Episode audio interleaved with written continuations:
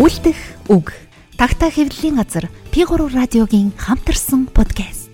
Та манай подкастыг Тагтаа цэгмэн сайт P3 радио FM 119 долгионоор хүлээн авч сонсоорой. Үлдэх үг подкаст.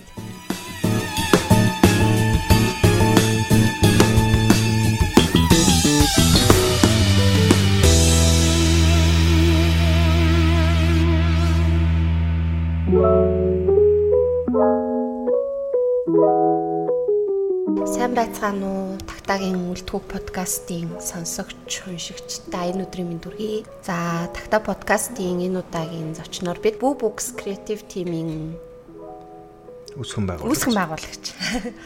Яруу найрагч Батхүүгийн Бат Заяаг зочноор урьж оролцуулж байна. Аа Бат Заяатай ярихаар одоо манай Тагтагийн орчуулагч редактор Мөө Батбаяр болон редактор Дэлгэрмаа бид гурав ингэ сууж байна сонсогч залуустаа энэ өдрийн мэндийг хүргэе.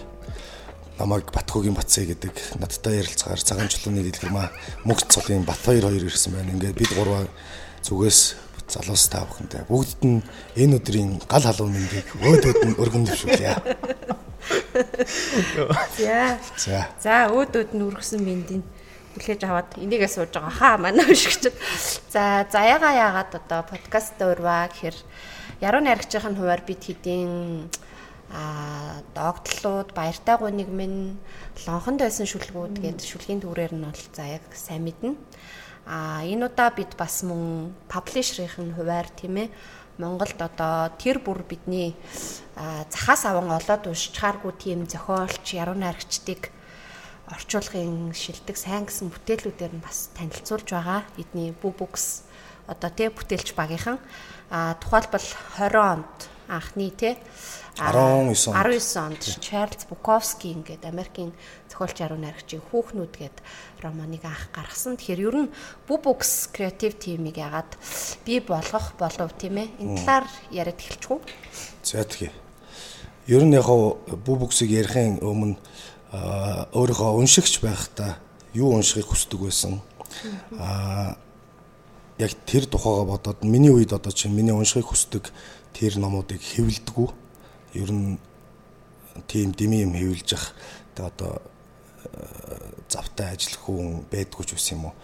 Тэгээд яг ийм э, чиглэлийн хүмүүс их хэвлдэггүй. Тэгтээ маш өөр өрмөц өнгө төрөх за бичлэгийн болон э, одоо зарим хүмүүст санаа болох тиймэрхүү бичлэгийн гой гой шийдэлтэй зүйлүүдийг хэвлэлдэггүй байсан учраас Boo Books гэдэг энэ багийг байгуулад тэгээд өөрсдийнхөө уншихыг хүсдэг л номоо одоо бас өөрсдөндөө ижлэгэн мэдрэмжтэй тийм ном уншихыг хүсдэг залуу дүүнертэй зориулж гаргая гэдэг ингэж ярилцсны үндсэн дээр байгуулсан. Одоо Boo Books-ыг манай уншигчид бол Буковски араас нь нөгөө Мажаны хилэг гарга. Даниэл Хармс Оросын зохиолч Даниэл Хармсын оршихуй гурван ийм хүүрнэлээс гадна хүүрнэлийн орчуулгын бүтээлүүдээс гадна бас Boo Poems гэдэг одоо нөгөө одоо эхний урч оршихуй цуврал тий. Оо underground underground цуврал тий. Аха тий. Underground цуврал. Энэ underground цуврал гэдгийг бас жахан заяа тодтогч. Underground цуврал нь бид нар Charles Bukowski хүүхнүүд гэдэг романаар эхэлсэн. За бохир реалист ийм арга барилаар бичдэг Америкийн зохиолч байгаа.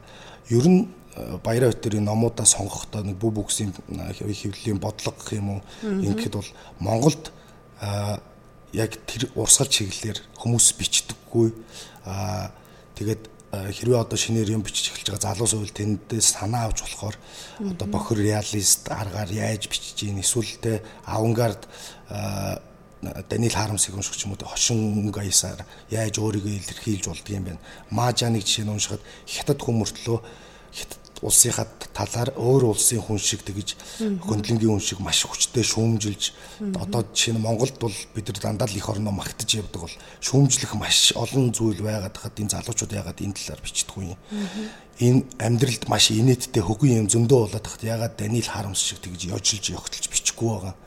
А энэ амьдрал тэр чигээр маш маш бохир заваан байгаад хад ягаад заавал их гоё өглөө цэлмэгнаар мандлаа энэ төр гэдэг тийм амьдралаас хөндөй юм бичээд байдаг юм бэ. Яагаад энэ бохор заваа юм а тэр чигээр ингэж дуулж болохгүй байна гэдэг санаа өхөднөөс андерграунд сурлыг эрхэлж гаргасан. Тэ. Аа яруу найргийн цуврал маань ч гэсэн ялаагүй шүлэг гэдэг шал өөр бас ийм зүйл гэж болдгиймаа гэдэг а одоо маш олон залуучууд шүлэг өчөж байна. Тэгвэл одоо орчин үеийн шүлэг яруу найраг ямар шүү дуу хоолой илэрхийлэлтэй болсон юм бэ? Бас нэг ийм өөр өнгө төрөх бас байдэн шүү гэдгийг л харуулах гэж энэ цувралуудыг гаргаж байгаа тий. Ер нь нөгөө нэг сүүлийн үеийн одоо паблишеруудыг ч юм уу те ном эрхлэн гаргаж байгаа энэ багуудыг харахаар одоо яг ингээд юу гэдгийг өөр өөрсдөө нэг чиглэлийг барьж аваад тэргээрээ явж байгаа нэг гоё аахгүй. Тэнгууд нөгөө бодлогууд нь айгүй юм цогцоороо тий. Тэрнгүү бүгд л нэг ижил сонгодог уран зохиол ч юм уу бүгд л нэг ижил Нобелийн шагналтнуудыг ч юм уу ингээд дараад байвал эн чинь өрсөлдөөн нь ч нэг дутггүй болно бас сонирхолгүй. Тэгэхээр уншигчдад аль болох энэ одоо салаа одоо нэг модоор үзэх юм бол олон тийшээ салаалж мөчрлөх тусмаа бидний сэтгэлгээ таал таал тийшээ те ингэж задарч олон ямиг хүртэж хүлээж авах төр боломж гарсан айгуу гоё. Тэгээ бүү бүксийнхний бас нэг ийм зам жимийг гаргаж өгöd байгаа нь ялтчгүй анхаарал татаад идэх л та. Тийм. Одоо бид нар 16 26 гэд ид сайхан унших насандаа бидэрт одоо ном унших сонголт маш хумигдмал байсан бол ном хэвлдэг тийм паблишер хэвлэлийн газрууд ч гэсэн цөөхөн байсан. Зөвхөн л тэндээс гарсан ном таалагддагч бай, таалагддаггүйч бай. Одоо шинэ ном гэдэг утгаар нь л бид нар авч уншдаг байсан. А тийм бол одоо ингээд маш олон хэвлэлийн газрууд, маш олон сонголттой, маш одоо залуучууд бол үнэхээр одооны залуучууд бол а одоо ах эгч нарт нь өмнөөс нь баярлалаа гэж хэлмээр маш гой гой номнууд гарч ирж байна. Маш гой гой дуунш амжихааргүй ийм гой нийгэм цаг үеийг бас гоё бүтээлцэж байгаа даа бас их баяртай байгаа байхгүй юу. За энд бас хамгийн түрүүнд онцолж ярмаар байгаа нь Бүү Poems сурлын одоо хоёр дахь нь болж Хятадын цагаач ажилчин яруу найрагчдын тий. Төмөр сар гэдэг тун сонирхолтой төврийг сая намрын номын байраар уншигчдад анх хүргэлээ шүү дээ. Тэгэхээр сүүлд гаргасан энэ номоос нь ер нь бас урагш нь хөгөө ярьчи гэж сая бодлоо л доо. Тэгээ яагаад энэ цаг үед бид нар бас энэ хятад гэдэг орны те энэ цагаач ажилчдын яруу найргийг бас унших ёстой бэ? Та ямар одоо үднээс энийг зориуд ингэ сонгож гаргаваа. Энэ яг хуу хятаддаач гол нэг юм биш. Аа Монголд ч гэсэн маш их цагаач ажиллаж байна. Аа одоо чинь манай ээж л гэхэд Америкт манай дүүх сурах гад хэм цэвэрлэгээний газар өдрийн 8 9 цаг босоогоор зогсож ажил хийдэг. Тэр ээжийнхээ одоо жишээ нь ямар хэцүү ажил хийж яаж мөнгө олж байсныг би жишээ нь мэдэхгүй байхгүй. А яг тэрэн шиг одооны энэ хүүхдүүдийг гой сайхан амьдруулах гэж маш олон ээж аав нар маш олон эцэг эхчүүд энэ тент те хаан чин Японд ч юм уу Америкт ч юм уу Англи Итали гэл зүрээс бүх л газар солонгос гэл газрууд цагаач хараар ажиллаж штэ мөнгөний төлөө амьдралынхаа төлөө шүлэг яруу найр гэдгээр дамжуулж тэр хүмүүсийн хэцүү байгаа тэр бэрхшээлтэй талыг бүр голд ортол зүрхэнд ортол ингэж дуулж чадсан баг. Энэ дотор төмөр сар гэдэг номонд багцсан 30-аад яруу найрагчийн 90 гаруй шүлэг байгаа. Нэг ч мэрэгжлийн яруу найрагч байхгүй. Бүгд зүгээр амьдралд байгаа тэр хэцүү зовлонгоо л дуулсан. Тэгвэл одоо манад ажиглагддаг их багаан зовлонг их болгож ингэж байгаа биш. Тэр тэр зовлонгоо зүгээр л дуулж байгаа юм хүмүүс байгаа. Аа тэгээд яруу найр гэдэг чинь зарим үед хүмүүсийн уур бухимдал энэ нийгмийн асуудлаа дуурах хүртэл тийм хүчтэй дуу хоолой болж чаддсан шүү гэдгийг бас энэ нийгэмд харуулахын үднэс энэ номыг сонгож гаргасан. Тэгээд энд бол одоо Монголд ч гэсэн маш олон цагаач ажиллаж цагаач ажил хийж байгаа мөнгөний төлөө амьдарч байгаа энэ гэр бүлүүд бас уншаасаа тэр дүүнер маань бас уншаасаа ямар хэцүү амьдрал байдгийм бэ? Бид нар харин ч нэг их сайхан тааваараа дураараа ингэж амьдарч байгаадаа бас баярлах ёстой юм биш үү? Ийм хэцүү амьдрал байдаг гэдгийг уншихгүй бол тэд чинь энэ сайхан амьдралтай сайхан тааваараа энэ сайхан нийгэмд амьдарч байгааг ойлгохгүй байхгүй. Тэгэхээр тэрийг ойлгуулахын тулд одоо бас эндээс залууд өнөр уншаасаа гэж бодод гаргасан тийм. Нөгөө амьдрал бол мөрөө үлдэх хэрэгтэй гэд хиний шүлэг гэдэг лээ. Их шүлэг гэдэг чинь тийм. Амьдрал бол мөрөө үлдэх хэрэгтэй гэд. Тэгээд энэ нөгөө төмөр сараас шүлгүүд уншиж ах надад энэ мөрт өөр ирэхгүй орж ирээд уул мөрөө амьдрал үлдээх үлдээхдээ энэ хүмүүст ямар амар хүнд хүчээр дарамтаар те ямар их тийм одоо золиос орчих юм уу ирсэн бэ а тэгээд тэрийг ингээд туулгын эрхэнд бүр шүлэг болгоод гаргаж байгаа аахгүй юу ямар азар бид нарт одоо ингээд яруу найраг гэж юм бит юм бэ? Энэ бас нэг төрлийн зэвсэг байгаа аахгүй тий? Бид нэр амьдралтаа ингээд үнэхээр тулъя гэхэд дээрээс тэр том улсын эрэг шураг болоод те ийш тийшээ ингээд одоо яадгийн мужаас муж дамжаал хотоос юу дамжаал ингээд ажил хийж ин тэрийг бүр туулахын эрхэнд тэр өөдөөс нь сүрөөд ганц ингээд барьж байгаа зэвсэг нь энэ яруу найрагчд шүлэг байгаа байхгүй тий? Ганц ч мэрэгжлийн яруу найрагч байхгүй мөртлөө. Яаж тийм амар хар бараан хүнд хэцүү магадгүй бохир заваан тий тэр дундаас яаж тийм гоё үннийг дуулж гин. Тэгэхээр хүний тэр зүрх сэтгэл гэдэг өөрөө ингээд ямар ч юмыг туулаад гарах чадвартай, ямар ч муухай амийг одоо юу гэдгийг сайн сайхнаар ингээд дамжуулаад гаргаж шít. Шүлгүүд нь бараан ч гэсэн тэндээс биднэрт ирж байгаа мэдрэмж нь болохоор магадгүй өрөвдөж хайрлах, инэрэхтэй амьдрал чи юм юм бэ. Хүн ингэж амьдрж гин гэдэг ч юм уу тийм юм эргэж биднэрт өгж байгаа нь айгуу тийм гоё санагдчихж байгаа байхгүй юу. Ижил ихтэй киноныхын талаар та бас яриач нэг. Яруу найраг гэдэг өөрөө ямар хүчтэй, ямар том одоо хүний сэтгэл зүй бүх юмыг багтаасан ийм том салбар юм бэ гэдгийг харж болохоор юм л тэ. Заавал дандаа гоё сайхан биш. Энд одоо дуулсан шүлгүүд гэх юм бол маш хэцүү хэцүү шүлгүүдж байгаа. Аа киноныхын тухайд бол энэ 2015 6 онд төмөр цар нэртэй баримтат кино гарсан хятадд одоо цагааж ажиллаж ажил хийж амьдралаа залгуулахын тулд ямар хэцүү хэцүү зам туулдیں۔ А энэ ер нь зөвхөн хятад биш маш олон улсад одоо ажиглагддаг Мексик за ингээл Монгол юу гэдэг амьдрахын тулд ер нь хүмүүс ягаад энэ оюун ухаант энэ мундаг хөгжингүү өсрөнгөө хөгжсөн энэ нийгэмд гэхэд ийм хэцүү зүйлийг туулаад идэм бэ гэдэг талаар. Тэгээд энд бол хүний эрх эрхчлөөний тухай ч гэсэн их олон асуудлуудыг хөндөж тавьсан. Тэгээд энэ кино нь нийтдээ баримтат киноны төрөлд 11 номинацид өрсөлдсөн гэдэг нь одоо маш тийм мундаг үзүүлэлт байна.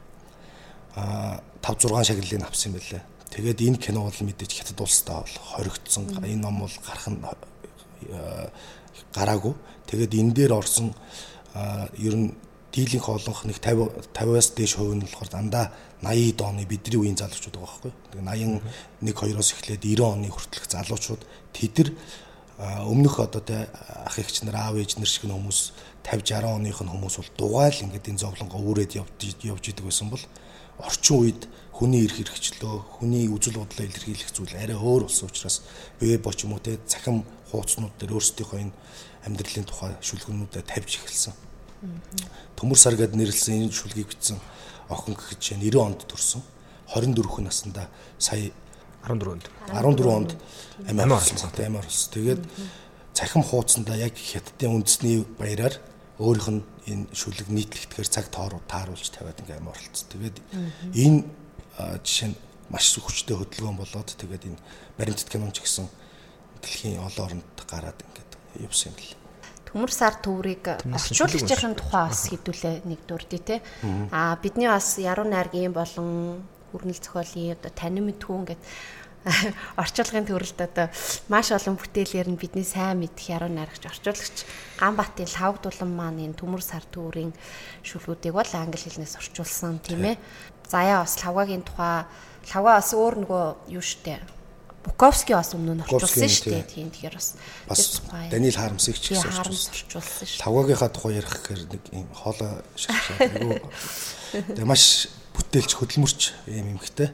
Тэгээд Буковскийн ийм номонд нэр өгөөд яах вэ гэдэг энэ шүлгүүдийг маш гоё монгол хэлэнд маш гоё буулгасан. За төмөр сар бол нэлээд бас хэцүү юм хөдөлмөр шаардсан юм ажил байсан. Тэгээд тэгээд залуучууд хамгийн гол нь энийг л авч унших хэрэгтэй. Ер нь яруу найраг гэж бас ямар юу ч үеж болдгийг одоо нөгөө арчибалдын шүлгүүд шүү дээ. Утгатай байх албагүй, уг чанартай л яруу найраг байх хэрэгтэй гэдэг шиг. Тэгээд лавга одоо бас Билли Коллинс эдэргээд Америк яруу найрагчдын шүлгүүдийг орчуулга дээр сууж байгаа. Тэгээд ер нь л нэг номыг дуусгаал тэгэл дараагийн номонд ордог нэг тийм орчуулгаас орчуулгаас орчуулга руу ерөөсөө байгаа. Тийм хөдөлмөрч. Тэгээд заримдаа бас гайхтیں۔ Яагаад ч юм ажилласаг байгаа тийм. Өмнөөс нь ч заримдаа бас төртмөр санагддээ шүү дээ. Тэгээд лавга байхгүй бол энэ бүү бүксийн цувралуудын бас нэлээд хэсэг нь. Тэгээ одоо манай тийм данийн харамсч гэсэн авангардын орчуулгын тэр эвгүй эвгүй яжллууд эдрийг бол айгуу гоё монгол хэл рүү буулгасан. Тэгээд нэг ярьсных Даниэл Харамсын оршихуй номер 2 гэдэг ном гаргасан. Энэ дээр бол жишээ нь энэ комеди үздэг, stand up comedy үзээд ингээ харахад залуучуудын одоо гошин шогийн мэдрэмж дээр айгуу гой дээшилсэн байгаа байхгүй. Бид нар хөрх хамт өнгөт инээд минээд гэлтэй яг удмуулж байгаа юм шүү дээ. Тухайн үед тэр хошин шог гэдэг бол одоо бол үзээд хүн яг үндэ энийг хэрэг болцсон шүү дээ. Ягаад гэвэл бидний хошин мэдрэмж бол нэлээд өндөр дээшилсэн.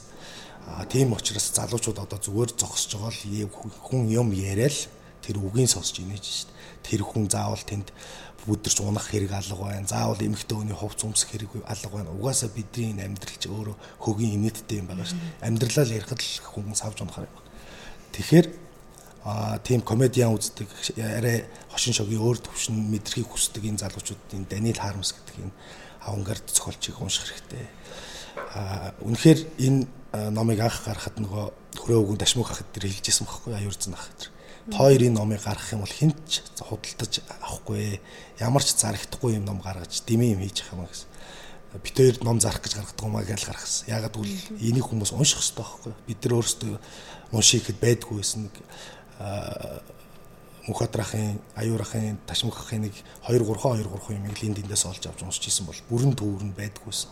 Тэгээд лавгаад саналтай байд лавгаач их гоё орчуулсан яг тэр яжл юмөр өдрийн гаргаад Тэгэхээр бас залуучууд энийг ялангуяа тэр stand up comedy гэдэг залуучууд ч гэсэн авч унших хэрэгтэй байна тийм. За, ерөөхдөө хэдүүлээ төмөр сараар яриагаа өрнүүлж байгаа юм чинь төмөр сараасаа бас шүлэг уншуулаа. Тэр тусмаа бас заяагийн хоолоогоор төмөр сараас шүлэг сонсвол их гоё байх болов уу гэж бодлоо. За, тэг бинд тэгээд жоохон хоолоо өвдсөн юм ингээд тэрнээс би чи ямар сайхан теонор хоолойтой хүн билээд. мэдэх нэг нь мэдж байгаа гэж. Гэхдээ энэ төмөр энэ төвөрд орсон шүлгийг яг ийм төмөрлөг хоолгоор уншуулсан тийм. За энэ цусаар ярина гэдэг шүлэг байна.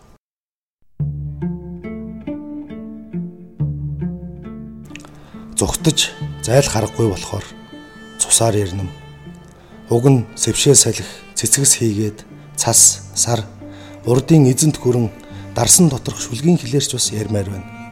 Гэвч бодит байдал намайг урсах цусаар л яргэвэ. Тэр цус нь бүтэн жилжин нар үздэггүй.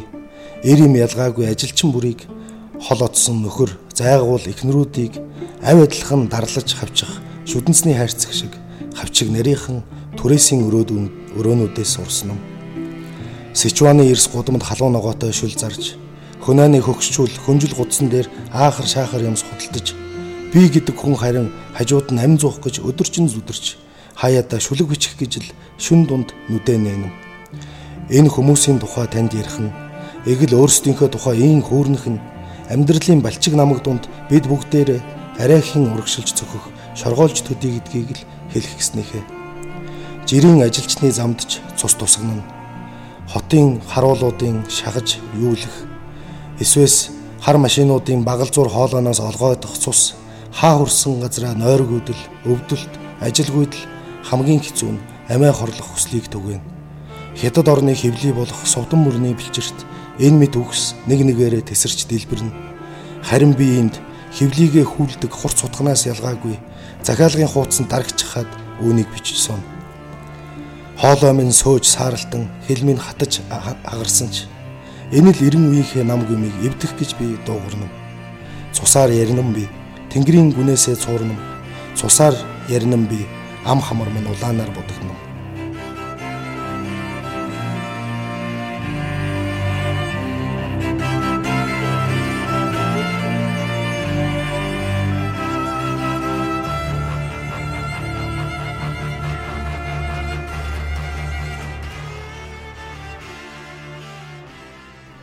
энд нэг мөр уугац Энэ л 90 үеийнхээ нам гүмийг эвдэх гэж би дуурнам гэж.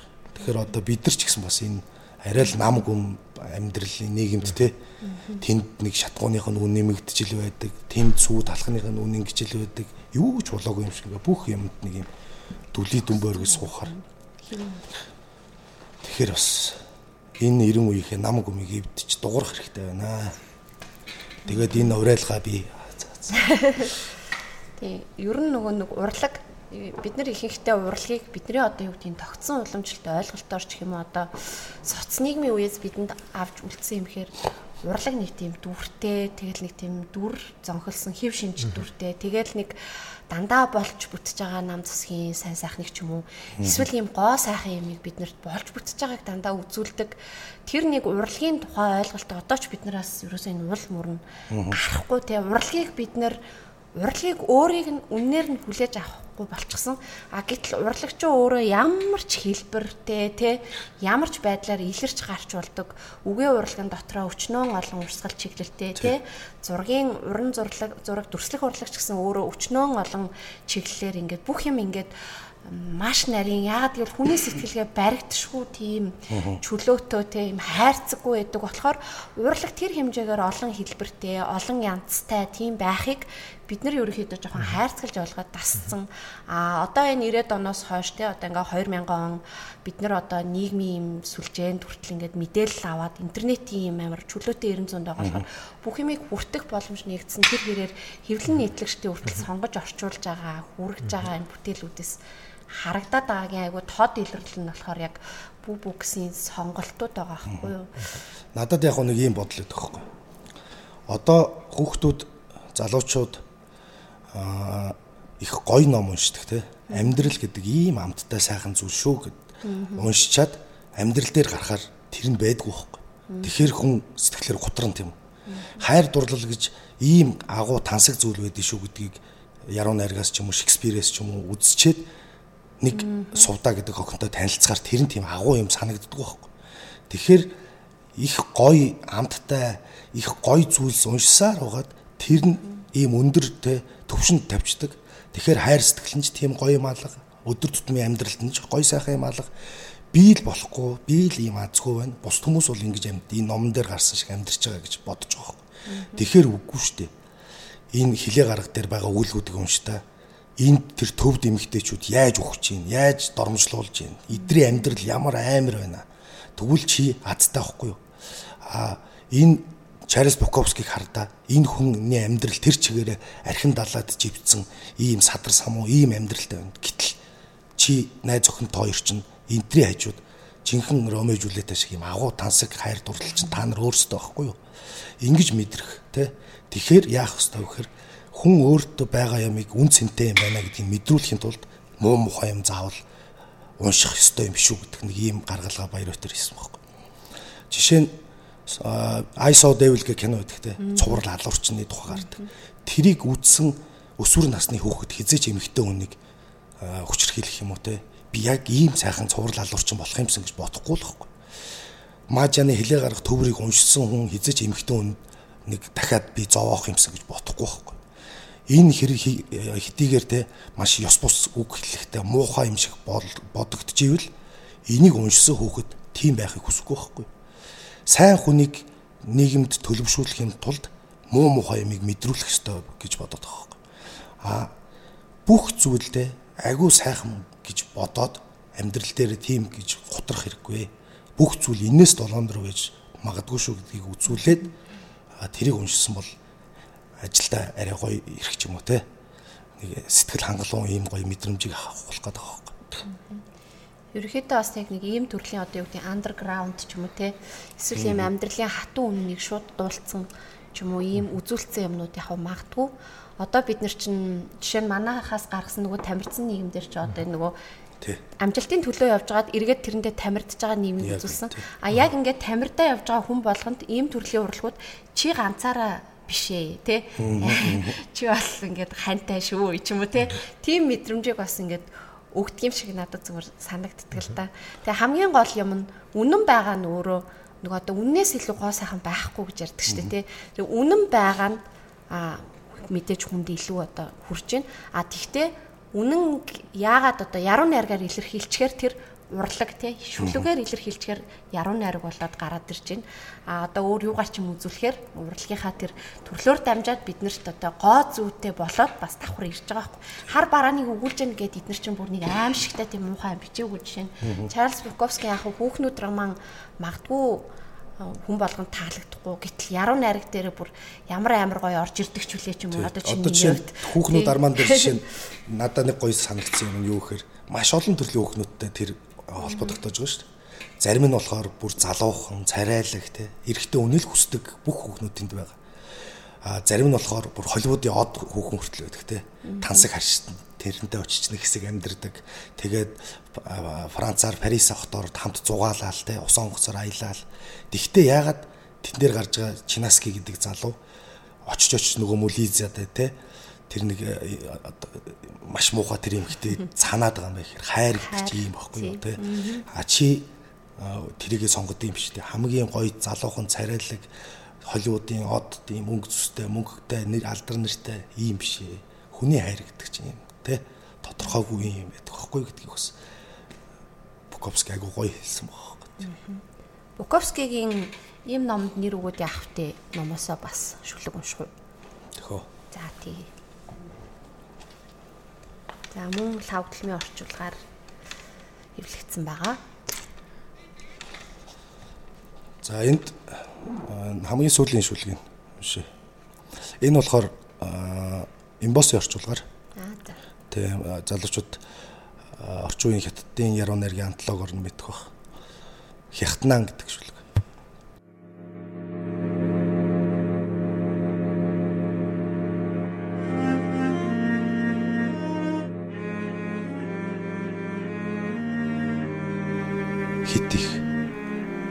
Баг эсвэл хангалтгүй. Хит тарган хит туранхай эсвэл хинч биш. Инээд эсвэл нулимс эмзэг эсвэл үл тоох сэтгэл үзэн ядагсад дурлагсад цэргүүд цустай гудмаар гүйлдэж дарсны шил савчиж цэвэрхэн огтыг жадалж эсвэл хүчрхийлнэ эсвэл монрогийн зураг үлгсэн тарчиг өрөөндөө суух өвгөн эсвэл ямар ч зураггүй тарчиг өрөөндөө суух өвгчүүл эр бэлэг үрчиж байна гэж төсөөлөн эрхээ эргүүлэх эмхчүүл цагийн зүүнний удаан эргэлтэн дундал харагдах цаглашгүй их ганцаардал энд бий. Вегас, Балтимор, Мюнхний анивчих неон гэрлүүд дундаас ч анзаарч харж болох агуу их ганцаардал энд бас бий. Супермаркетаас хямдруулж авсан лаацтай тунаа загсал тэдний хамгийн агуу мөч. Агуу ялалт нь байдаг тэгтлээ их хайр эсвэл доромжлолт төвчээрээ алдтал зэрэмдэглүүлсэн тэнхээгүй хүмүүс ч бий. Бидэнд шин засгийн газар шин хувьсгал хэрэггүй. Бидэнд шин ирчүүл эсвэл шин хүүхнүүд хэрэггүй. Бидэнд шин арга зам, эхнэрийн солио, усан ор, сайн чанарын колумб кокаин, уурын тамхи, хиймэл эргэтэн, лон хонгоолгогчтой эрзэнүүд, он сар заах цаг одоохондоо аль нь ч хэрэггүй Хүмүүс нэг нэгэндээ хизээч сайхныг хүсдэггүй. Хийсэн нүгэл нь тогтолцооны бүхэлдэгтэй биш Маркс там дунана. Эзний хөнөөсөн гим нүгэлдээ биш эгэл Христүүд ч там дунана. Хүмүүс хизээч нэг нэгэндээ сайхныг хүсдэггүй. Хорсол зөөцөлгөгч хамгийн хүчтэй гэж ойлгогдохоос Нью-Йорк бол Америкийн хамгийн агуу хот гэж ойлгогдохоос бид айдаг. Бидэнд илүү цөөн чадвар, илүү цөөн зааварчилгаа хэрэгтэй илүү цөөн яруу найрагч, илүү цөөн Буковский, илүү цөөн Билли Грэм хэрэгтэй. Харин бидэнд илүү их шар ариг, бичээч, илүү их бэлзуухай, илчлэгтэй тижээл шиг зүрхийг ч нэгддэггүй ногоонуудтай янхнууд хэрэгтэй.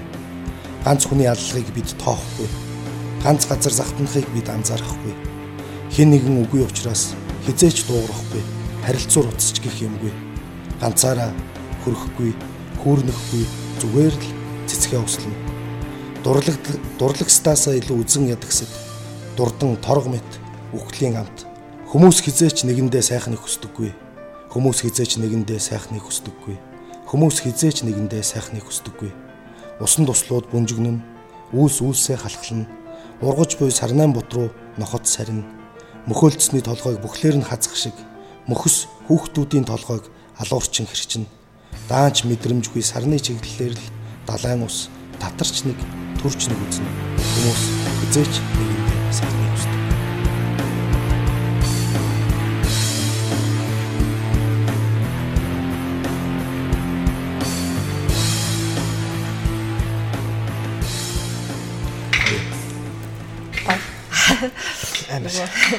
Энэ шүлгийг сая заяаг уншиж байгааг бодож ил л да. Бид нар нөгөө ингээл дэлхийн маань зогсолтгүй эргэж идэх шиг хүмүүс дээр нь ч гэсэн ингээл зогсолтгүй нийгэм рүү бид нар яваал идэх те. Тэгээл нэг нь үхэж явах араас нь залгаал амсхийг чөлөөгүй нэг нь ирэл бид нар ингээл урагшаа яваал идэх. Яаж ч гэсэн урагшаа явж ид. Тэнгуут яг те уран бүтээлчд урлагийг бүтээгчд болохоор адилхан яг урагшаа явж байгаа мөртлөө цаг үеэ хамаагүй эрүүл мэнээр харах боломжийг олгодог юм шиг. Амьдрал дээр болохоор хамгийн солиотой галзуу бараг л ярууны аргач хэрэл айрхуудаг завхаа ч юм уу одоо нэг байдаг байхад явж явж хамгийн эрүүл ухаантай хүмүүс байдаг ч юм шиг те. Яг нэг ийм мэдрэмж ингээл зүгээр сашиулаг сонсож хат орж ирлээ. Тэг өнөөдөр ч бас дэлхийн галзуучуудын өдөр баяр гэсэн шүү дээ. Шоорч тойрсор баярын мэнд өө читэр үсэн. Яг түрүүний дэги хэлдэг шиг нэг юм зогсоцнох те жоохон юм пауз жоохон юм юм хэрэгтэй байна. Нэг түр амс хийгээд нэрэн чи юу илээ гэд те хоол ингээл яг машин шиг ингээл идэж яхад түр амс хийгээд энэ дотор ер нь юу байна гэдгийг харахтай. Амьдралд ч гэсэн түр зогссоод юу юу ер нь яг юу болов гэдгийг анзаарах юм чөлөө хөс гоё. Урам бид нар тэр нөгөө зүтгэсэн амьдралынхаа бүтээсэн нийгмийнхаа эргээд яг нөгөө нэг тэр нэг юм хүчтэй тэр нэг нэг терм шиг юм бүтээчээд өөрсдөө тэрэнд орно гэл хайр найр бүтээ. Ялсаараа зүгээр гэр бүлэрээ ч юм уу. Одоо яг тэрний жишээ бол яг энэ төмөр сараагаа ахгүй тий. Тэр цагаач ажилчин яруу найрагч яах амьдралын төлөө ингээл тэр том хятад улсын тэр эрэг шурга юу болол ингээл зогсолтгүй ажиллаж байна. Гэтэл хүн чинь тийх гэж яг үндэ төрсөн юм уу те? Тэгэнгუут энэ амьдралын тэр айхтар юмас яах юм гингүүд. Одоо бидний аав ээж илэрх те яг тэдний үеийн соц нийгмийн энэ ажлын үйлдвэрийн нэг эдис болж ажиллаж исэн хүмүүс бүхэл насаа бүх амьдралаа нэг ажил зориулсан байдаг шээ. Амар. Гутлын үйлдвэрт 60 жил, 70 жил ажилласан хүмүүс байдаг шээ. Тэгэл тэдэн жил хүмүүс өөр юу ч мэдэхгүй шүү дээ. Нэг цолт шагналт үдээ юм та тий. Амар харамсмаар. Хуур хуурж байгаа хөөхтэй. Одоо Даниэл Харамсын нэг өгүүлэл өгдөг байхгүй. Юу болсон мэдэхгүй амар том аврах том хан орчдөг Тэгээд тэрийг Тэ ингээ хотын захиргаа махиргаанаас оролцоол тусалж дэмжээл амар мундаг архитектур ажиллаад аврах том хан хотоо 2 хуваа гайцсан дундуур нь. Тэг амар том хан өрснө. Маргааш нэг гайхдаг. Ер нь яг яах гэж энийг барьсан гэдгийг хинч мэдэхгүй. Тэгтэл нөгөө асуухаар тэнэг хүн болчих гоо те. Энэ ханыг ер нь яг яах гэж барьсан гэхээр нэг юм зүгээр л нэг аврах том хан өрсөн.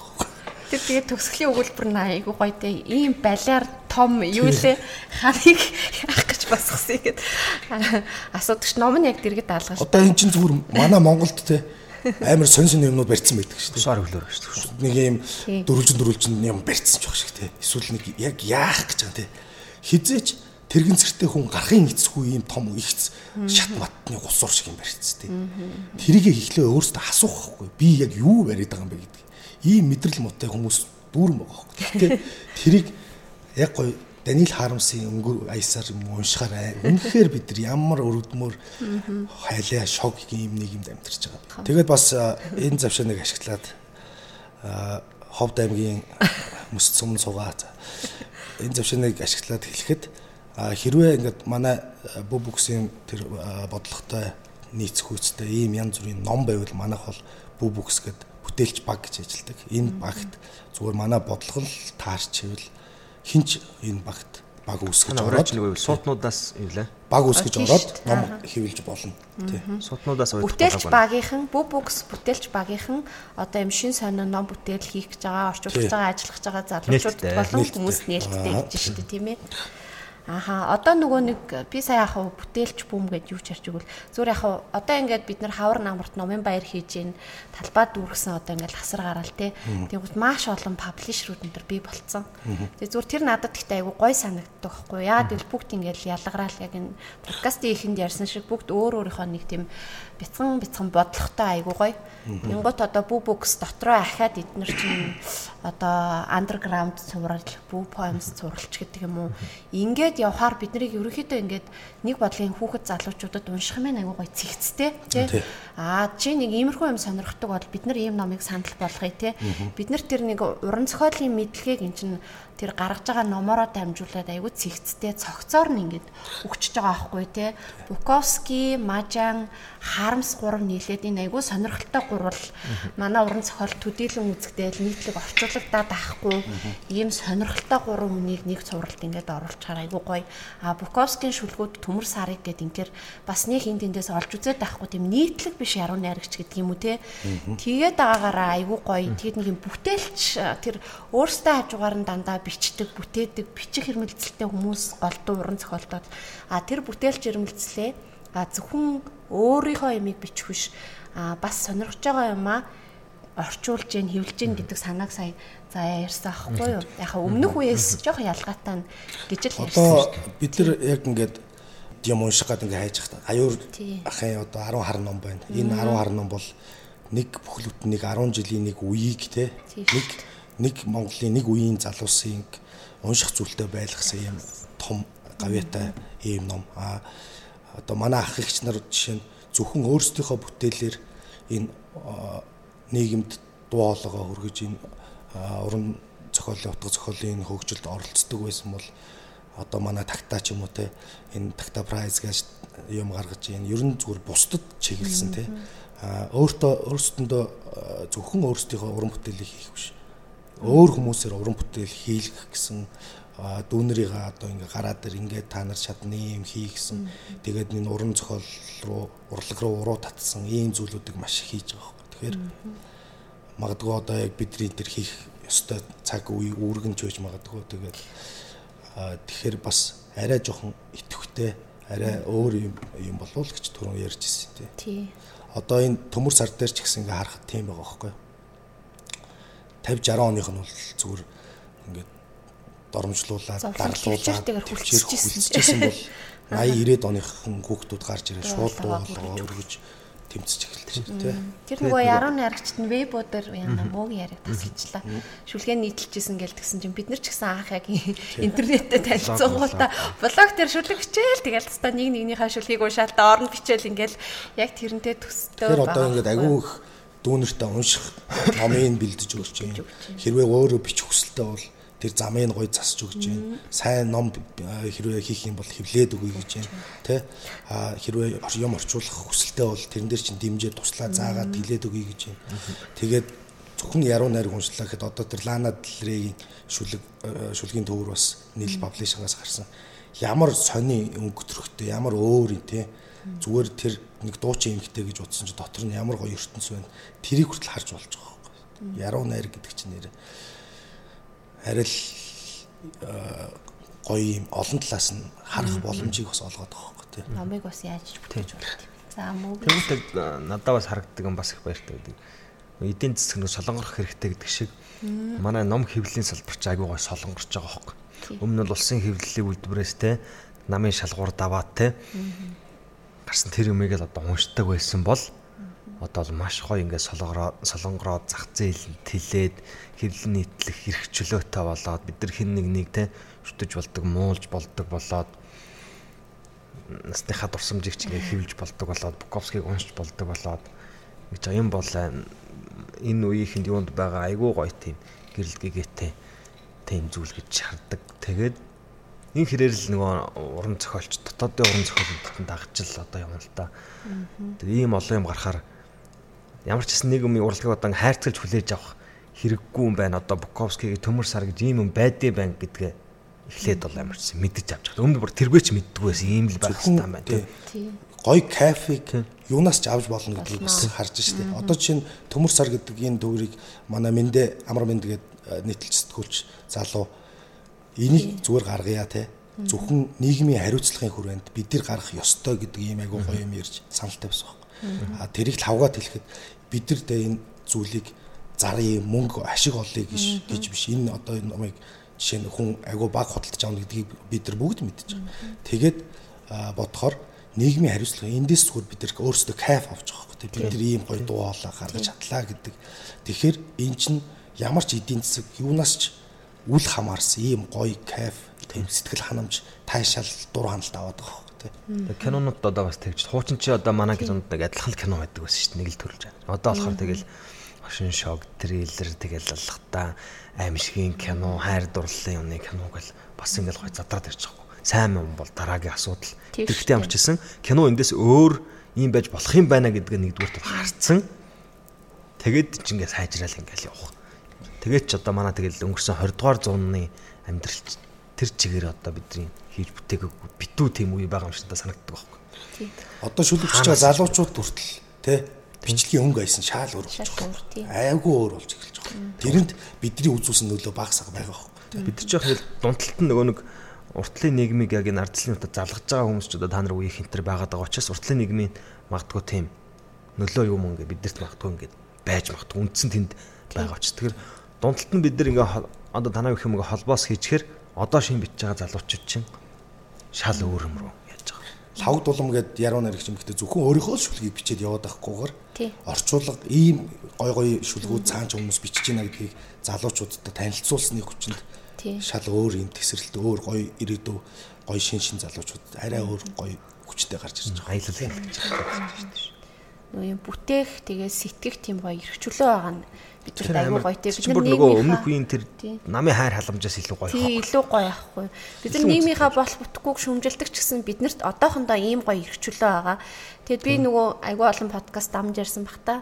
Ер нь нөгөө нэг одоо юу гэдгийг 90-ад оны хаалттай нийгэм ч юм уу? Яг одоо биш ээ 90-ад он хүртэлх хаалттай нийгэм түүнээс хойш одоо бидний туулаад ирж байгаа энэ амьдралыг уран зохиолоос ингээл унших юмсан ингээл амар бодонгот яг тэр зохиол нь ер нь л байхгүй. Тэгвэл одоо энэ олон хэвлэн нийтлэгчд энэ олон одоо дэлхийн алил шидэвэр сайн гэсэн бүтээлүүд манад гарснараа. Эргээд яг тэр ирээдүйн тэр цаг үеэ бичих тэр хүчтэй үнэн тэм туйруулчиг ингээд гаргахад бид нар ингээд бэлтэж байгаа шиг ингээд яг надад санагддаг штэ тийм нэг тийм байхгүй юмны тийм дутагдал гачигдал биш. А ирээдүйд бий болох юмны тийшээ нэг илүү гоё ингээл зөнд шүлгэл сайхан шүгэ шүлгээ бичээ суулгах байхгүй тий тэнд баяраа шүлгээ бичээл миний л шүлэг болж ийн гэл.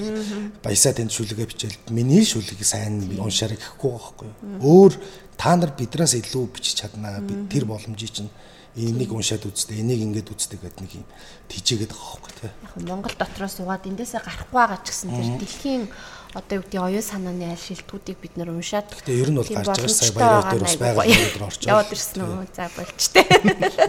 Харин тий бид нар ч гэсэн гарыг л гэж бодож байгаа юм. За тэгээд 90 гарыг. Тий инээсэн дээр ярихад нөгөө Даниэл Хармсыг бол бид нар нөгөө одоо юу гэдгийг яг яг уран зохиол сонирхдаг хүмүүс бол нилээн гүн уншдаг хүмүүс бол одоо юу гэдэг нөгөө хуучин мөнх баяр ахын даш мөнх ахын орчуулгаар нөгөө одоо сонингуудад тий. баг саг өгүүлэг энэ төр ингээд угаасаа жижигэн жижигэн өгүүлэг бичдэг уншижсэн баха. Тэгэд сая бүү бүксээс бас өнгөрсөн жил нөгөө өнгөрсөн жил гарлаа юу лээ? Даниэл Харамсч гэсэн баха. Тий, Даниэл Харамс гарахад би амар баярлсан. Яг тэр би өөрөө бас амар дуртай байхгүй юу? Яг тэгэл нөгөө Харамсын тэр ийм яг л одоо юу гэдгийг сая заяа хэлсэн шүү дээ. Комеди комеди хийх гэдэг байгаа залуучууд уншил гоё энэ төр гэд. Ер нь Харамсыг уншихаар яг нэг одоо хүн нэг загтансан газараа маажуулахаар гоё болдог шиг тарих ингээд тархиндаа бүр нэг юм массаж хийлгэсэн юм шиг болоод тэгээд тэр нэг юм амар гоё аазгаатай мөртлөө нэг тийм гоё инээд яг ингээд хүрдэг байхгүй юу. Яагаад уран зохиол заавал нухацтай эсвэл заавал философитоос үлэлцэн тий мэдээж тийм уран зохиол байх хэрэгтэй байдаг тэд нар нь юу дэлхийд давмгаалдаг. Их та харамс амьдрал хичнээн абсурд яг үндэ хүний амьдрал ямар инээдтэй шок болох юм.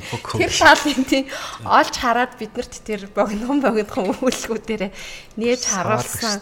Тийм тэгээд гоё. Тийм баярагийн тэр бодож олсон слогон үг байгаа шүү дээ. Бид нар мэдээж тэр мундаг сонгодог зүйлүүдийг уншнаа. Уншихгүй биш. Тэгтээ нэг жоохон амармаар байгаа хөөе тий. Жоохон паузлаад нэг амьсгаа авахд хэрэгтэй юм номнуудыг гаргаж байгаа. Тэгээд суутнуудаас залхаагүй л байна уу. Дандаа л бид нар те сурах ёстой, дандаа суралцах ёстой, ухаах ёстой, толстой уншаал ингээд ахаар чи ядрна шүү дээ. Бидний тархич хаяа нэг шоудах хэрэгтэй байдаг шиг те. Тэгвэл энэ уран зохиолын гоё шоодох гой зугаа цэнгэх тэр амарх номын ягаад хоёлаа гаргаж болохгүй бэ гэж ярьж байгаа тийм. Тийм Даниэл Харамс бол одоо Оросын авангард зохиолч гэгддэг. Үнэхээр одоо тэр богино өгүүлгүүд нь тийм авангард утга хайж уйлах юм бол тий ямар ч утгагүй. Өөрийнх нь амьдралч гэсэн айгүй муухай шонгосон баг. Одоо бөмбөгдөх сонгоцууд ирээд ингээд Орос орныг бөмбөгдөж хахад ингэж те нохоо шиг ингэж амьдэрч яхаар энэ нэг нэг онгоцны бөмбөг нь манай гэр дээр буунаад ингээд сайхан бөмбөгдүүлчих гэсэн. Тэгээд яг бөмбөг нь унсан гэж хөөх тэдний дээр. Тэгэхэд өөрөө манай шир сэтгцэн эрүүл мэндийн эмнэлэгт хэвдэж таараад яг уул нөхцлөөр болох гэсэн чинь те. Нэг харамссан ном байгаа мó? Харин харамсыг авчираагүй нүгэн нэг богино өгүүлэг уншсан бол гэж би бас яг сая бодоол л унах чимгэд ч юм уу. Цанхаар унах чимгэд энэ төр гээл өшөө чи юу юу лээ. Нөгөө хинтээ толстойтой энэ төр байдаг л бас тохиолч энэ яжсан байд шүү дээ тийм үү. Аа өөрийгөө те хүлэг баатар гэдэг аахгүй. Ааха. Би жинхэнэ хүлэг баатар. Яагаад хүлэг баатар юм бэ гэсэн чинь нэг эмхтэн цүнхнээс ингээд хариуг унахж исэн зүйлийг унахаас өмнө авахын тулд онгоц онгоц автобусны буудал автобусныхаа хаалгаар гараад боржуурн дээр унаад шүдэ хуглаад үүдэн шүдэ хуглаад тэгээд тэрийг ингэж явсан. Тэр үнэхээр гайхалтай тийм амар супер хүн гэж байгаа. Айгу гоё гоё яж чадна л та нөгөө калогина дээр биш те. Тий. Калогина зүү зүүдлээд өөрийгөө бутны ард суудсан нэг цагтаа өөрийг хайгаа яваад ин гэж зүудлээ. Тэгээ босч ирээд цонхоо хаачаад эн чинь жоохон сэрүүхэн болж байгаа юу гэдэг ингээд буцаа унтснаа өөрөө цагтаа болцсон тэгээ бутны ард сууж байгаа нэг хүнийг хайцсан явж ийн гэж зүудлээ. Дараа нь өөрөө бут болцсон ард нэг хүн нуугдсан тэр хоёрын цагтаа хайж байгаа ч үлээ. Ямиг ингээ янз бүрийн өнцгөөс ингэж харахтай ингээ амар гоё юм өсрөнгөө боломж бас байдгийн шүү. Ямыг нэгэн л юм сэтгэж бичиж байгаа бол яагаад бүр юм тэнэг байдлаар ч гэсэн сэтгэж үзээч дээ. Тэр гоё ирхчлээ зовоод байгаа хөөхгүй тийм. Тэгээд нөгөө хүмүүс тухайн яг тэр харамсын үеийн хүмүүс айгүй мундаг мундаг юм бичиж хахад нь харамс зүгээр яжлоод инээж исэн тэр үстэй. Одоо манай ч гэсэн бас ингээл мундаг мундаг армаа марманууд гардаг шүү дээ. Тийм шүү дээ нэрээс л ямар омгшмаар арт юм шүү. Тэрний хажуугаар бас гой гой юм бичиж болно шүү дээ. Тийм шүү дээ. Аа. Тэгэхээр бүх бүксээс гаргадаг эдгээр номууд нэг тийм сэтгэлгээний хэл хязгаарыг маань илүү бас тэлж өгөх ач холбогдол заавал байлгыг юм л гэж хэлмээр надад санагдсан. Заяахаар хувийн уран бүтээл. Оо бүх бүксээс яхаас өмнө заяа руу орохоос өмнө ирчүүдийн үнэн төгсөн орох байгаа юм. Тий одоо чам руу ирчүүдийн үнэн ирчүүдийн үнэн түүх гээд өгүүлгийн төвөөр гарсан. За манай орчуулагч суграар хчаа найз маань аа 10-аад жилийн өмнө Туркт ажиллаж амьдарч байхдаа энэ санаагаа бодож олсон юм байлээ. Тэгээд дан ирчүүд эрэгтэй зохиолчдын эрэгтэй гол дүртэй ирчүүдийн ийм гой гой өгүүлбүүд байгаа. Тэгээ энэ өгүүлбүүдийг ингээд төвөрлөөд ингээд ингээд гаргуул гоё юм байна. За дараа нь бас дан эмхтэй зохиолчдын дан эмхтэй гол дүртэй ийм юм бичиж гэж бодсон юм бэл. Тэгээд эндээс ер нь юу харж байгаа гэхээр эрэгтэй хүний тухай эрэгтэй гол дүртэй эрэгтэй зохиолч бичихэд заавал эмхтэй хүн орж байгаа Эмэгтэй хүний тухай бичгээ заавал эрэгтэй хүн орж байгаа. Тэгэхээр бид нар чинь те эрэгтэй эмэгтэй биш юм байна. Яг нэг зүйл юм байна. Бид нар хамт харилцаж ийж энэ амьдрал бүтэн болж байгаа юм байна. Тэгэхээр зөвхөн ирчүүдийн ертөнц ч юм уу те тийм юм зүйл байдгүй юм байна гэдэг л тийм далд санаатай. Тэгээд энэ дээр орсон өгүүлэг мөгүүлгүүд маш юм бас ёчтой бас савж унахаар унахаар өгүүлгүүд байсан байхгүй. Тэгээд аа намайг одоо жишээ нь манай гэр бүлийн хүмүүс чийг айгүй ятрагатай их өглөх юм ахтай. Тэгээ би бүр ямар сандаа би фэйсбુક дээр хүртэл өөрөө имзгэлж бичиж ирсэн шүү дээ. Өглөлээ өглөлээ. Энэ орчлон дээр чи ер нь Тэгэхээр яг тэр дүр мөрөө би ингээ олж харж байгаа байхгүй. Яг нэг хүүхэн шиг залуу байгаа байхгүй. Үнэхээр жалж ирсэн. Тэгээд бас өөр өөр тийм те тэнийг эрэгтэй хүн ч байна. Маш их ганцаардсан хүн ч байна. Бүр ёмоо ингээ ойлгохгүй байгаа ч хүн байна. Тэгээд эрэгтэй хүн гэхээр тийм амар мундаг те баатарлаг энэ зарим те Монголын одоо сүүлийн үеийн кинон дэр гараад идэх шиг тийм хүмүүс байдгүй маа. Эрэгтэй хүн гэдэг чинь яг үнэндээ энэ нөгөө хөгийн мухатгаа ертөнц тэнцүү оршдог гэдэг шиг. Яг үнэндээ л ийм шүү дээ гэдэг үннийг тавьсан айгуу гой таалагдж байгаа юм.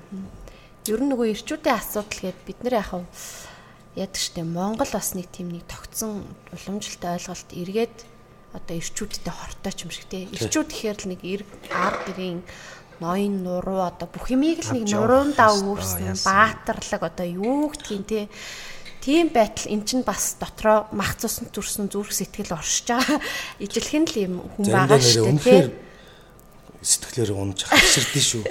Би чинь зүгээр л нэг эргэн бацаа явуулахаас биш. Би том тэр дээр Атлантик өргөс нуруундаа өргөсөн тийм амар том бурхан биш шүү дээ. Би чинь тийм сизип Тэ энэ амьдралыг заавал төгс байлгахаар яллагдсан тийм хүн гүлгэр домгийн баатар биш үхгүй да. Би ч өөрхийн амтан бацаа гэдэг л хүн байна.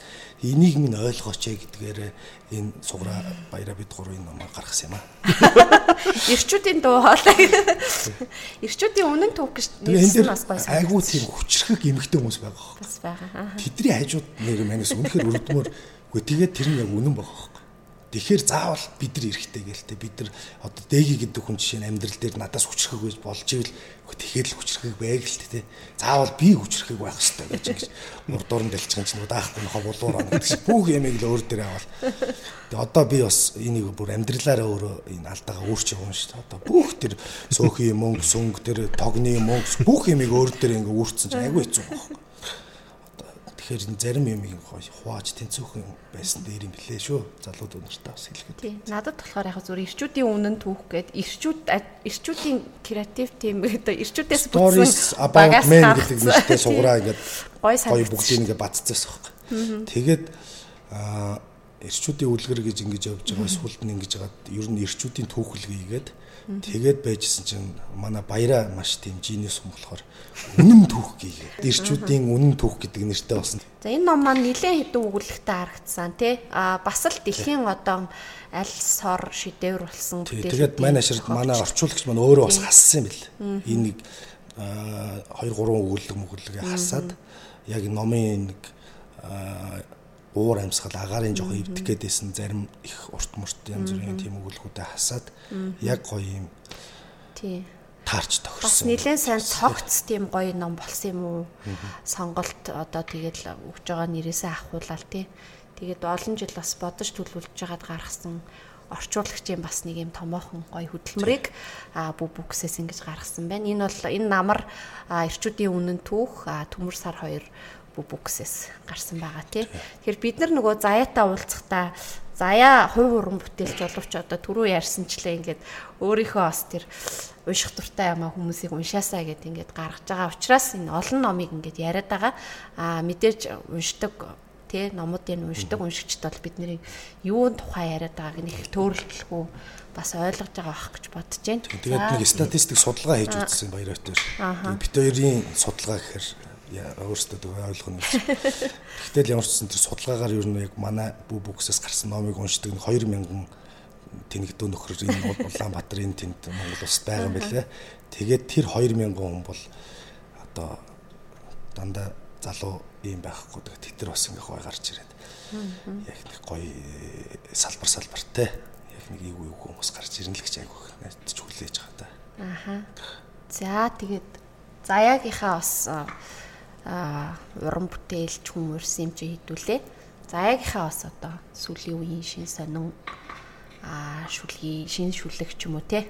Шин шүлэг унши шин ном бэлтэж байна уу? Бас хэрвээ ярьж болохоор бол ярилцъя.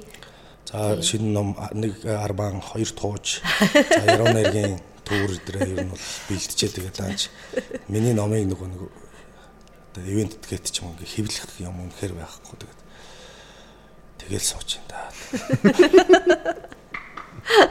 Нэг тууж битсэн. Тэгээд тэр туужа нэг газар дээр очиж ярих гал их тэр газрын нэр мэрээр уулан нэрлээд айгуу нөгөө нэг хэвлэлийн юугаа босгож авах гэдэг байхгүй би чи. Айгуу их юм бодож ойлгосон шүү дээ. Айгуу их юм бодож төлөвлөж юм бичдэг байгаа. Чинь тууж бичгтээ анхнаасаа хаагур ивент тэтгүүлж хэвлүүлэх юм гээд айл газар дээр бичих үү гэдэг. Тэгээд ингээд сонгож бичдэг байх нэ. За за яг нөгөө лонхонд байсан шүлгүүд номоор нь за ер нь гурван шүлгээр нь гурван шүлгийн дүрээр нь манай уншигч дөрөв сайн мэдэн штэ. Тэр талаар юу ч ярих вэ? Тэгээд лонхонд байсан шүлгүүдээсээ бас шүлэг дуудаач бас шин шүлгээсээ бас уншиж өгөөч гэж хүсье. За тийм. Ер нь яг нэг төв рүү гаруул гарчгаар тийм хэдэн шүлгүүд бичсэн. Ааха. Лонхонд байсан шүлгүүд гарснаас хойш гэдэг ч одоо нэлээ 5 жил 5 жил болсон лөө. Өө тийм биш. Энд чинь 17 онд гарсан байхгүй тий. Тэр чинь 5 жил болсон. Тэгээд яг би нөгөө нэг түүр болгон дээр нэг юм өөрчлөлттэй арай өөр нэг зүйл байх ёстой гэж боддог байхгүй. Тэрнээс биш. Яг одоо догдлууд ч гэх юм уу тийм шүлгүүд ингээд бичээд байвал бүгдийн заавал ном болгож гаргах хэрэггүй те. Тэгэхээр яг энэ логонд байсан шүлгүүд хоёр энтерхээ гаргуул болох юм шиг санагдаад байна. Тэгээд зарим найз нөхдөд үзүүлээд асуухаар яг тэр гоё өөрчлөгдсөн юм алгаа гэхээр ер нь.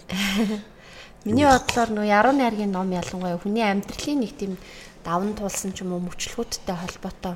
Санах бол тийм гарч ирвэл ер нь тэгж гард юм шиг санагдчих дээ. Яг гэвэл чи яг догтлуудын тэр мэдрэмж ч юм уу тэгэхэд урчирж исэн хүмүүнтэй ч юм уу одоо юу гэдгийг үргэлж хүн нэгэн хэвийн амьдралаар амьдрдаггүй те. Ялангуяа уран бүтээлч хүмүүс чинь амьдралыг ингээд дотоод өсөлтийнхөө хэрээр ч юм одоо юу гэдгийг ухаарч ойлгосныхаа хэрээр хүн үргэлж л өөрчлөгдөж идэв шүү. Тэгэхээр яг ингээд юм ярих ойлгодог хүнтэй ярих. Энэ За нэг шүлэг уншдаг бол энэ лохонд байсан шүлгүүд гэх номд орсон. Би нөгөө нэг юм хошин өнгө аястай шүлэг бичих гэж айгүй хүсдэг байхгүй. Тэгээд шүлэг заавал тиймс тий чухал байх албагүй юм гоё хошин өнгө аястай байвал зүгээр санагддаг байхгүй. Аха. Тэгээд тийм шүлгнээс унш. Социалист хамтрал энэ нэрийн имбос гэсэн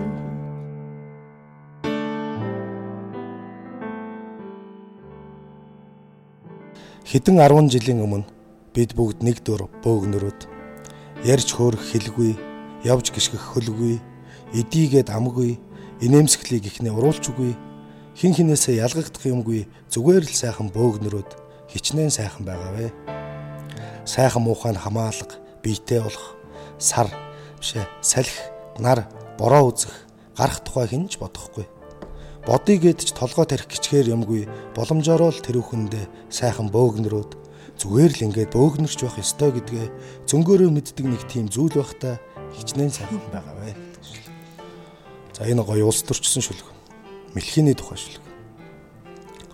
Түүний дэргэд байхдаа би амьдралтай зуулцах гэж ургуулсан араа шүдэ ярзайлган матар шиг их хөөрхөн инээмсэглэж сурсан юм. Төрөвчөө гаргаж ирэх бүрийд нь мэлхий шиг цомцоон суугаад харагдангуй намуухнаар ваагладаг байсан юм. Уснаас хух уураа гарч ирсэн мэт харагдахын тулд бадмын навчин дээр биеэ хэрхэн хатаахыг урд нь өөр намд байхдаа сурсан гэж тэр надад хэлсэн юм. Улаан линхва сүлдэндээ залсан мэлхийнүүдийн нам байдгийг угтан авагчаас хэрхэн яаж мөнгө хүлэгч болдгийг мөнгө угаагчаас удирдахч хүртэл явхад мөн ч олон юм үзэж туулдаг тухай надад бас ярьсан юм. Дажгүй сайхан яриа хөөрөөтэй хүн байсан дандаа л санаа зовж, шаналж, төгшөж явдгсан. Сонгуульд ялагддаг жил нь түүний мөрийн хөтөлбөртэй цүнхийг хөрдөн дээр аваачиж тавиад сонныхоо газарт би эргэж очиод сурвалжлагчаар ажиллах болсон юм. Үе үе тэр яарч яваа таардаг юм. Өөр том цүнх олоод барьчихсан матар шиг инээмсэглэж харагддаг юм. Өрөөнөөс томоо бахмлхий гарч ирэхтэй зэрэгэл хөөх юм цомцон суугаад үнэнхүү ихтгэл үнэмшилтэйгээр вааглаж байгаа нь дуулддаг.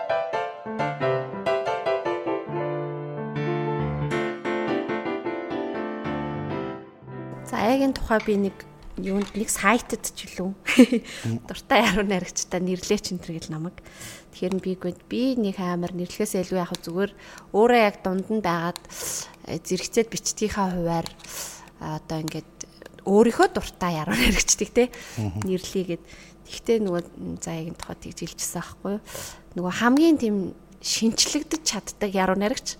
А тэгсэн мөртлөө нөгөө өөрийнхөө тэр заяагийн гэсэн тэр нэг э, өвөрмөц байдлаа болохоор алддаггүй. Тийш үү. Шинжлэхдэгтэй. Гоё хэлсэн боос тэгээ. Тэгээд нөгөө заяагаас дандаа л ингээд одоо жишээ нь лонхонд байсан шүлгүүдээс хойш энэ хүнээс ямар бас шүлгийн дүүр гарах бол гэдэг дандаа л сонин хүлээлттэй. Би нэг сэтгцийн асуудлууд гэдэг нэртэй шүлгийн төвөр ерөнхийдөө бэлдэж байгаа. Тэгээд тэрийгээ бас зарим болохгүй шүлэг мүлгийг хасах масах нэг тиймэрхүү. Тэгээ яг хүн чинь нэг өөрийнхөө юмд нэг жоохон тайван удаа назгаа байдаг болохоор тэгээд ер нь баг нэг жил мөлийн өмнө ч гаруул гарч байгаас тэгээд тэгж явсаар байгаа тэгээд амжихгүй юм тий. Яа шүлгийн номд гэхдээ ер нь тэгээд нэг хүүхэд төрж байгаа юм шиг цагаа болохоор төрдөг те бид нэр хүчлээд ингээд ярьчихдаг.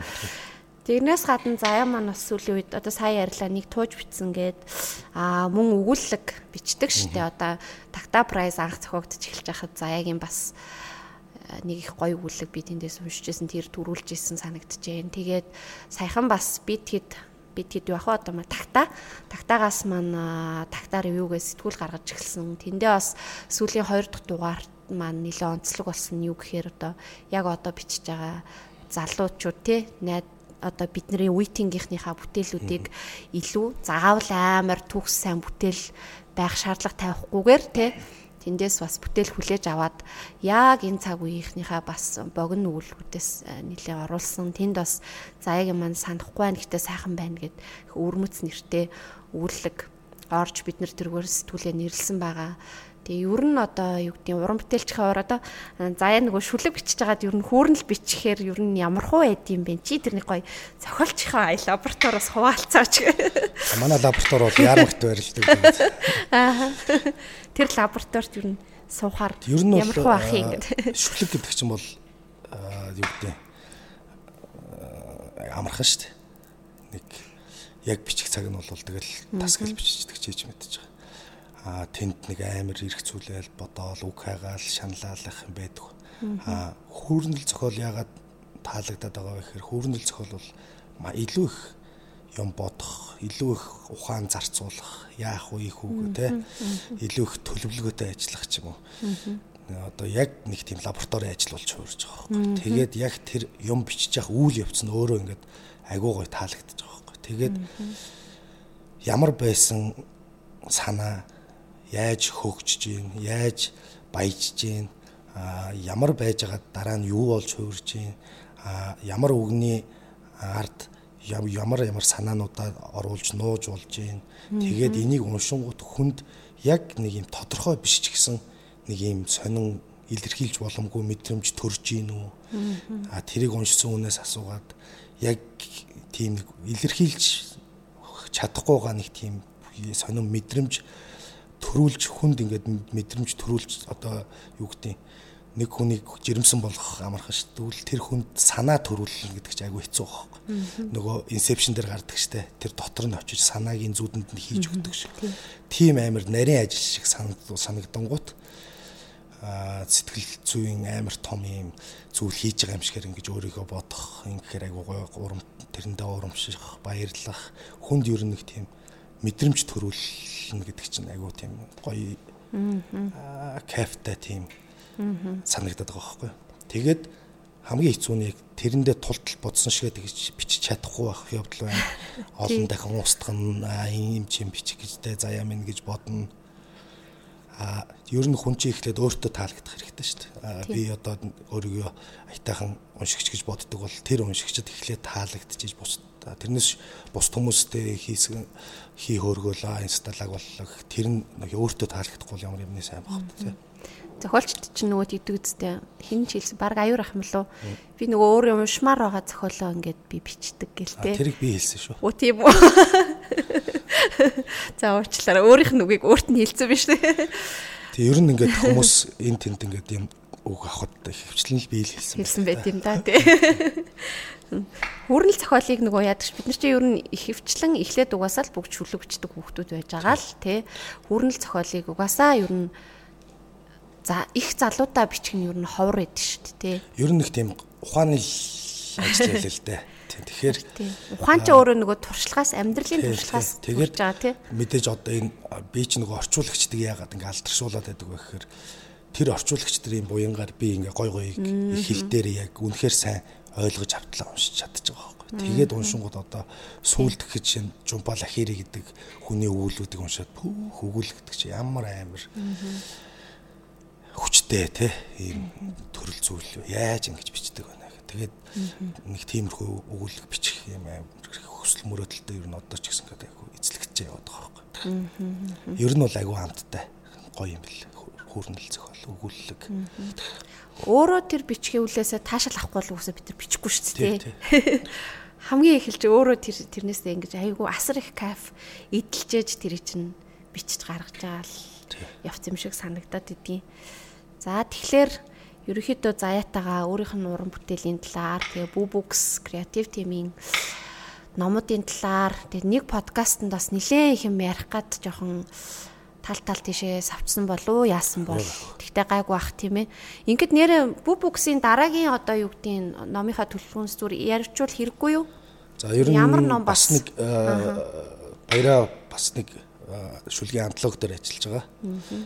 Аа тэгээд ер нь манай бүү бүкс гэдэг чинь нөгөө бүү гэж цочоох тий. Ингээд шин номор бүү гэдэг ингээд гаргах хэрэгтэй болохоос биш. Ингээд зарлах агуулсан тийм юмгүй эсэхгүй. Зарим номын гэхдээ баяраа маяра ч нөгөө ам султаа ом болохоор зарчдээ. Тэгэхдээ ямар ч юм тийм яруу найргийн хэд хэдэн ном дээр ажиллаж байгаа. Тэгээд антолог гэхэр ч олон яруу найрчиг бид нар унших нь шүү дээ тий. Аа зүг. Тийм ном дээр ажиллаж байгаа. Би таахтаа бол магадгүй бас нэг гоё өөр нэг цогт санаанд зангидагдсан антолог байгаа ах гэж л зүгээр тааж ийн гэдэг. Үгүй юм уу? Чи өстө таасан. Тийм ном дээр ажиллаж байгаа бас Лимановын ном орчуулагтаад бас явж байгаа. За тэгээд бас өөр өөр номнууд байна гэдэг. Тэгээд мэдээж тийм төлөвлөсөн ажлууд мэдээж байна. Тавга нэг ном орчуулж байгаа. Суграа бас нэг ном орчуулж байгаа. Тэгээд э, яг гарахаар нь л сайхан баяртай гоё уулзцгаая тий. Хоёлаа ямар нэг шүлгээр дуусах уу юу гэж бодож байна? Яг баа. Төмөр сараас ч юм уу бас нэг төмөр сар дээр чи ямар шүлэг багтал. Буковский юу? За. За тэг. За ягаас ахаад л одоо ингэ Яагаад гэвэл ч одоо хоолоо моолоогоо төмөрлөг болгоод өчнөө бэлтцсэн хүнэр ч хэргийг нь гарахгүй бол болохгүй шүү дээ. Дээр нь бас яруу найрагчийн хоолоогоор яруу найраг сонсно гэдэг өөрөө бас гоё зүйл л дээ. Ер нь бол гэхдээ яруу найрагчийн хоолоо гэж байхгүй л. Одоо өөрийн ч хоолоо яг л яруу найрагчийн хоолоо. Энэ шүлгийг зориулъя. За энэ шүлгийг хүнд зориулах вэ гэхээр уран бүтээлч залуучстаа зориулъя уран бүтээлч залуустаа зориулъя. Агаар гэрэл цаг хугацаа орон зай Чарльз Буковский.